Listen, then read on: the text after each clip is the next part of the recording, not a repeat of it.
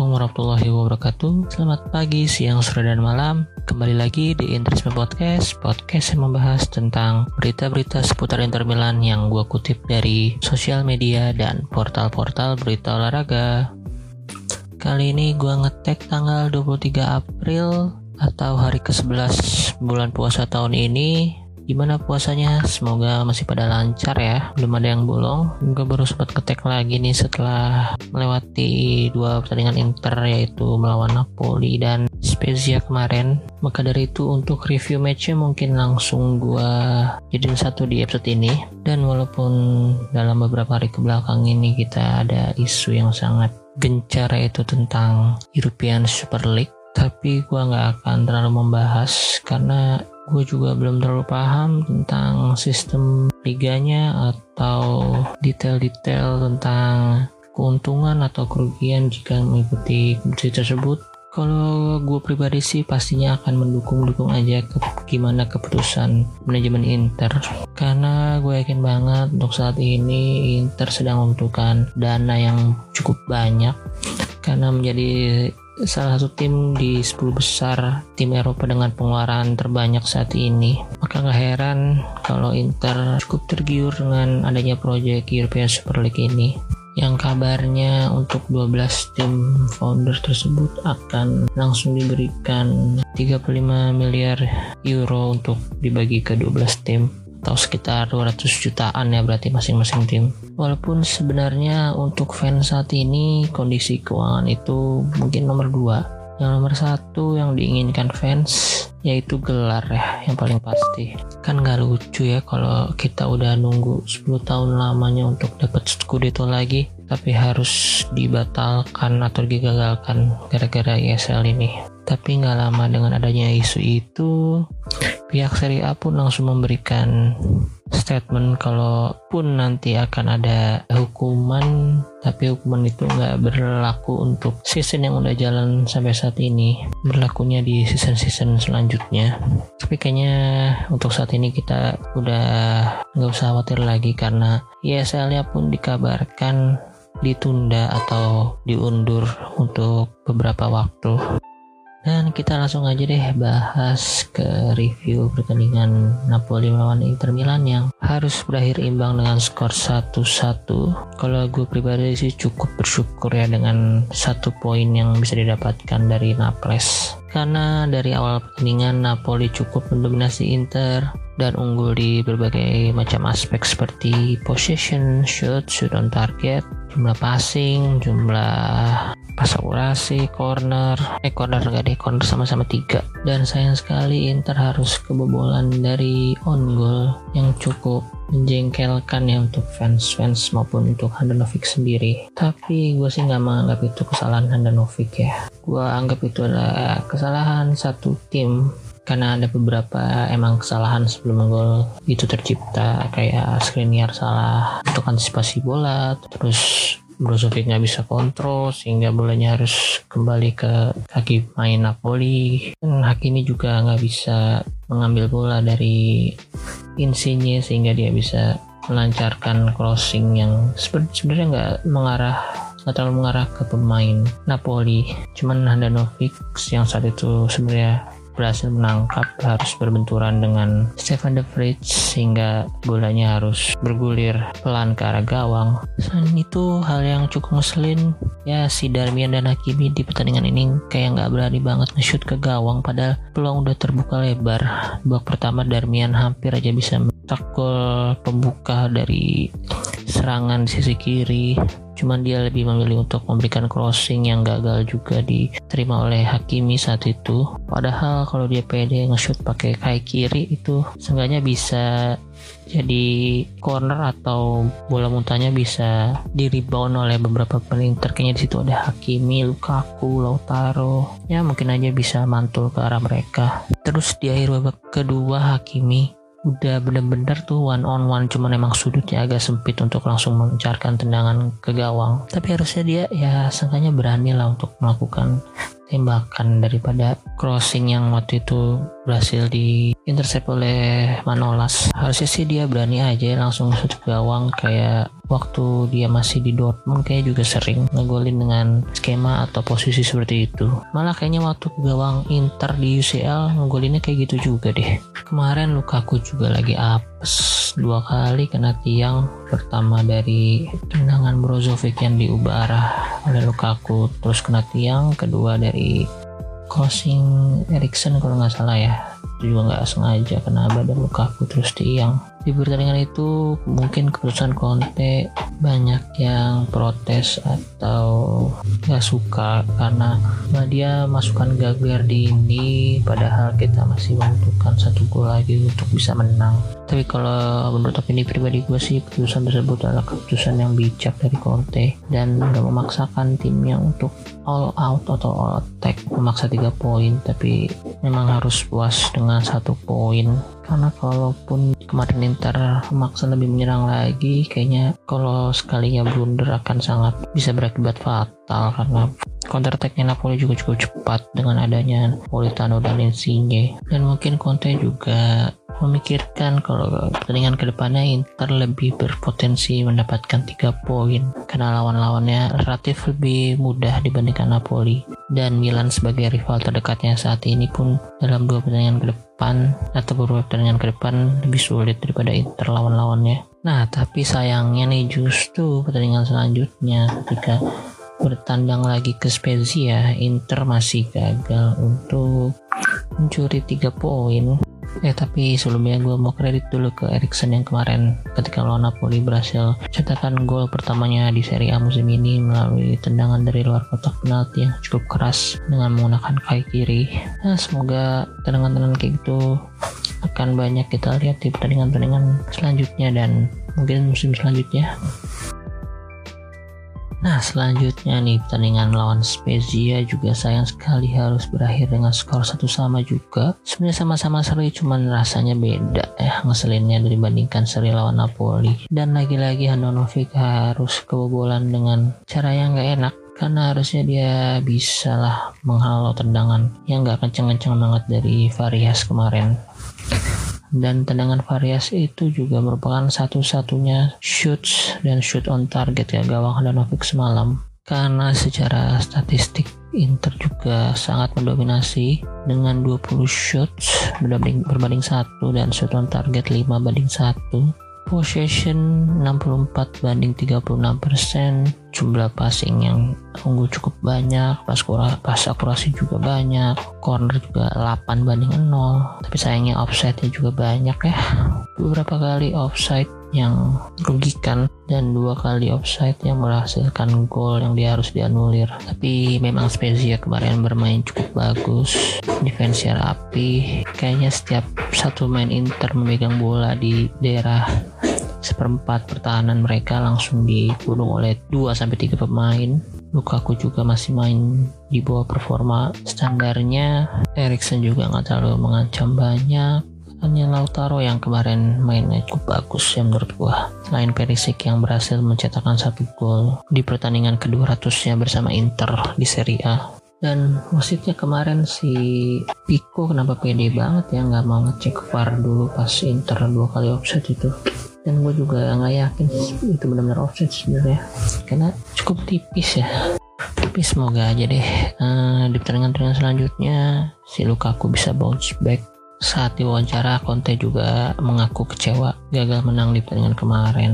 Dan di kesempatan tersebut dia juga mengatakan kalau nggak ada gunanya menghindar atau memungkiri kalau di Inter. Memang ada banyak masalah sepanjang tahun ini dan masalah yang telah berubah karena berbagai alasan. Apalagi dengan is tambahan isu ESL kemarin. Dan Conte berharap manajemen dan Steven Zhang bisa memberikan kejelasan dalam waktu dekat ini atau di akhir musim lah karena fans pantas mendapatkannya menurut Conte begitu. Dan sayang sekali hasil imbang yang didapatkan Inter ketika melawan Napoli harus memutus rantai win streak Inter yang sejauh kemarin udah berhasil mencatatkan 11 kali kemenangan beruntun harus terhenti oleh Napoli dan menjadikannya 11 win streak tersebut di posisi kedua top 3 win streak yang pernah dilakukan oleh Inter di Serie A.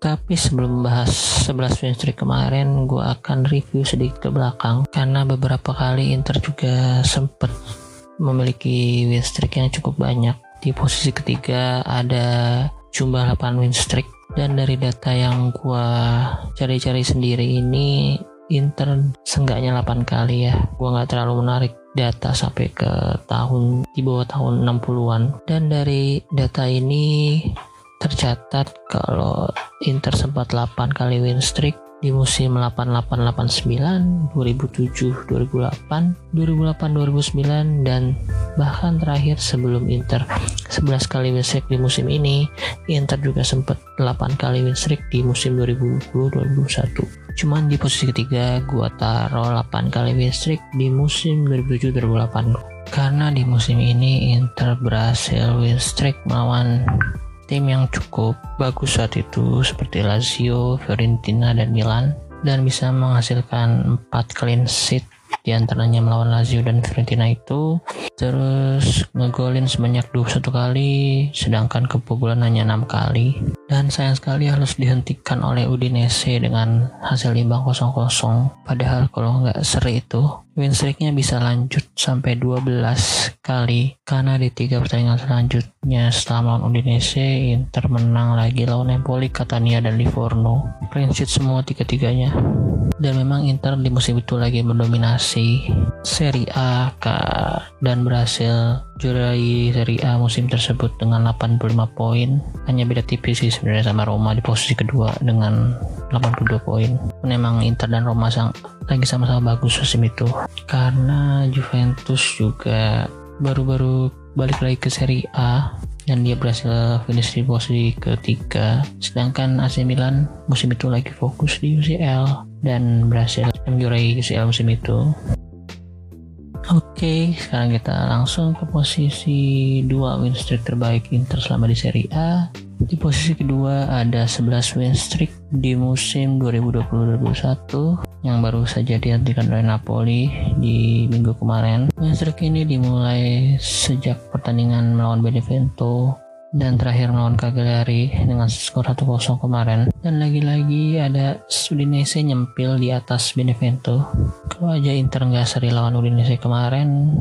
Win streaknya bisa lebih panjang jadi 13 kali win streak. Karena sebelum Udinese Inter udah sempat menang 2-0 lawan Juventus di pertandingan sebelumnya. Di rentetan 11 kemenangan kemarin Inter berhasil mencetakkan 23 gol dan hanya kebobolan sebanyak 3 kali catatan yang cukup impresif ya apalagi berhasil 7 kali clean sheet dan berhasil menang melawan tim-tim kuat saat ini kayak Lazio, Milan, Atalanta, dan Sassuolo. Dan clean sheetnya pun di antaranya ketika melawan Milan menang 3-0. Inter berhasil melakukan revenge setelah di pertandingan pertemuan pertama musim ini harus kalah 1-2. Oke, sekarang kita langsung ke posisi pertama win streak terbaik Inter selama di Serie A yaitu dengan 17 kali win streak di musim 2006-2007. Lagi-lagi kembali ke eranya Roberto Mancini.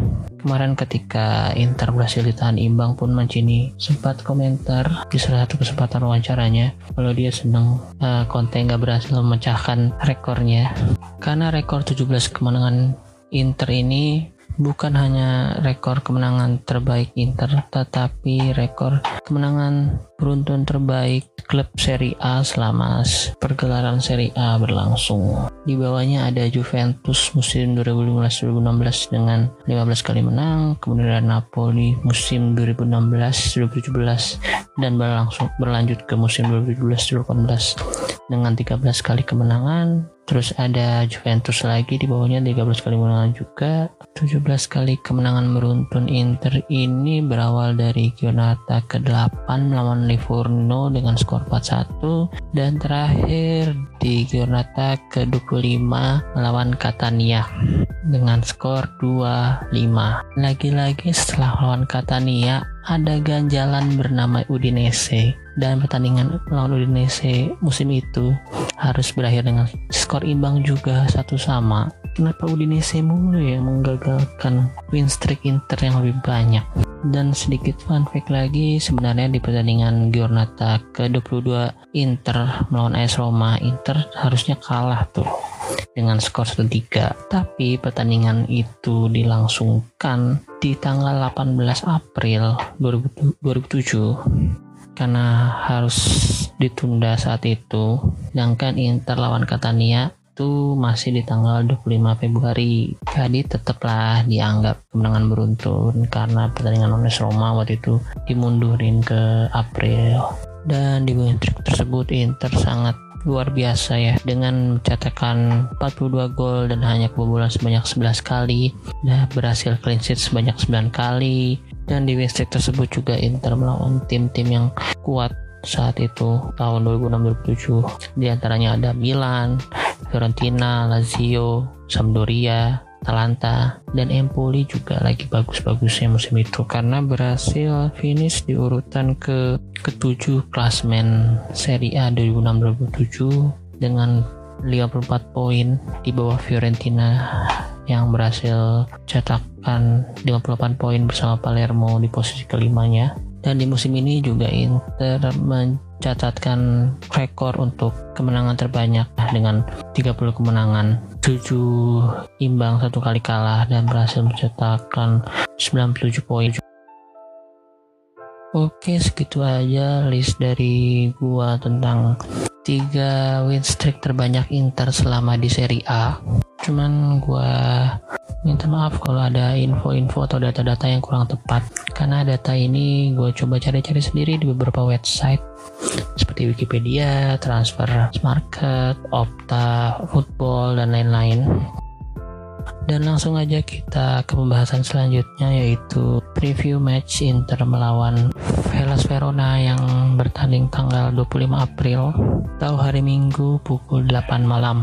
Melawan Hellas Verona besok Inter wajib banget menang dan bounce back setelah di dua pertandingan sebelumnya harus menerima hasil yang kurang baik yaitu dengan dua kali imbang. Apalagi untuk saat ini Inter hanya cukup memetik 8 poin lagi. Dan dengan tiga pertandingan yang relatif mudah itu melawan Hellas Verona besok Crotone dan Sampdoria. Untuk Hellas Verona sendiri rekornya juga lagi kurang bagus karena harus menelan empat kali kekalahan dari lima pertandingan terakhirnya dan tiga kali kekalahan beruntun di antaranya. Saat ini Verona ada di peringkat ke-10 dengan jarak yang cukup jauh dari Eropa, dari zona Eropa maksudnya dengan 22 poin selisihnya dan cukup jauh juga dari zona degradasi dengan 13 poin selisihnya.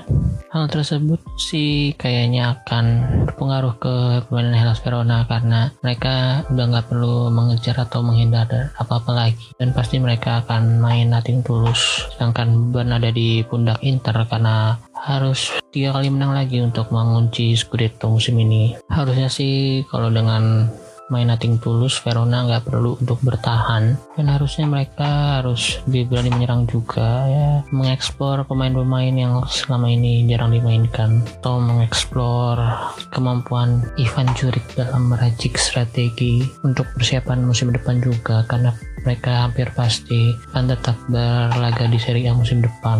Untuk formasi, Inter tetap akan menurunkan pemain terbaiknya atau mungkin Erikson akan diganti. Sementara karena beberapa pertandingan selalu menjadi starter, mungkin besok Vidal akan kembali karena kayaknya harusnya sih dia udah benar-benar pulih ya. Atau Conte akan coba memainkan Sensi lagi. Yang di pertandingan kemarin lawan Napoli juga sempat jadi starter. Untuk sisanya sih kayaknya sama semua ya dari Handanovic Bastoni De Vrij Skriniar terus kanan kiri ada Hakimi dan Perisic yang kemarin juga main starter. Semoga untuk Perisic nggak ada cedera atau gangguan lagi ya setelah kemarin setelah mencetak gol. Ya merasa kesakitan di sekitar pahanya. Terus di tengahnya kayaknya Barella Brozovic sama Sensi. Di depan ada Lautaro dan Lukaku. Dan gua berharap banget Lukaku akan membayar kesalahan kesalahannya di pertandingan sebelumnya ketika melawan Spezia dia banyak banget membuang kesempatan emas apalagi saat one on one dengan Provedel itu nggak bisa dimaafin sih harusnya untuk striker sekelas Lukaku yang gagal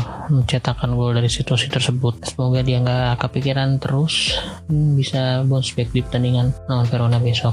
Untuk Verona kipernya tetap ada Marco Silvestri kiper terbaik salah satu kiper terbaik di Serie A dan yang dimiliki Italia saat ini. Terus di backnya mereka menggunakan tiga back yaitu Davidovic, Gantar dan Magnani di lini tengah untuk left wing back dan right wing back ada Di Marco dan Faraoni dua mantan pemain Inter Primavera. Terus ke tengah ada Tamezi dan Illich uh, tengah agak ke depan ada Barak dan Sakanyi dan di striker ada Kevin Lasanya Sakanyi dan Barak ini cukup harus diwaspadai ya karena dua pemain ini cukup agresif dan skillnya bagus Hakimi juga harus mewaspadai di Marco karena mereka akan berdua lagi. Setelah di pertandingan sebelumnya Hakimi kayaknya sedikit unggul dibandingkan Di Marco karena berhasil merepotkan Di Marco di lini pertahanan. Untuk prediksi karena Verona mainnya nating tulus pasti akan cukup sengit ya pertandingan besok. Cuman gue sih yakin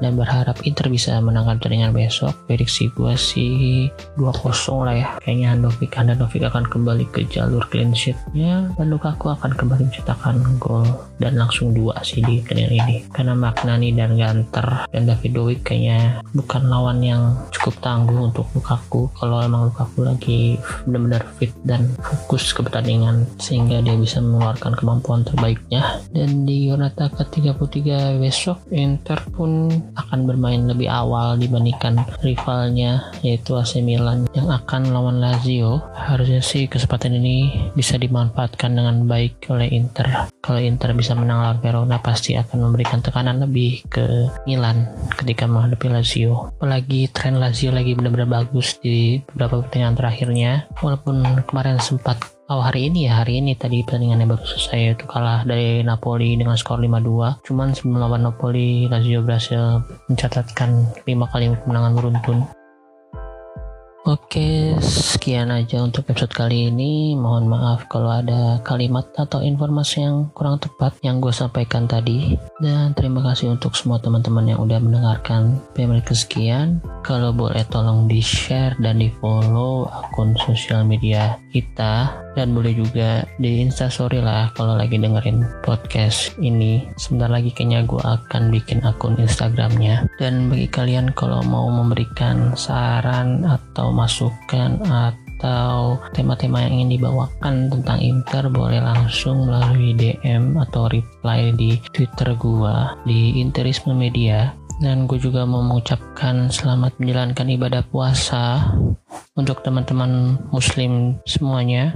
Semoga ibadah kita lancar-lancar aja dan sekali lagi terima kasih untuk semuanya yang udah dengerin. Arrivederci Forza Inter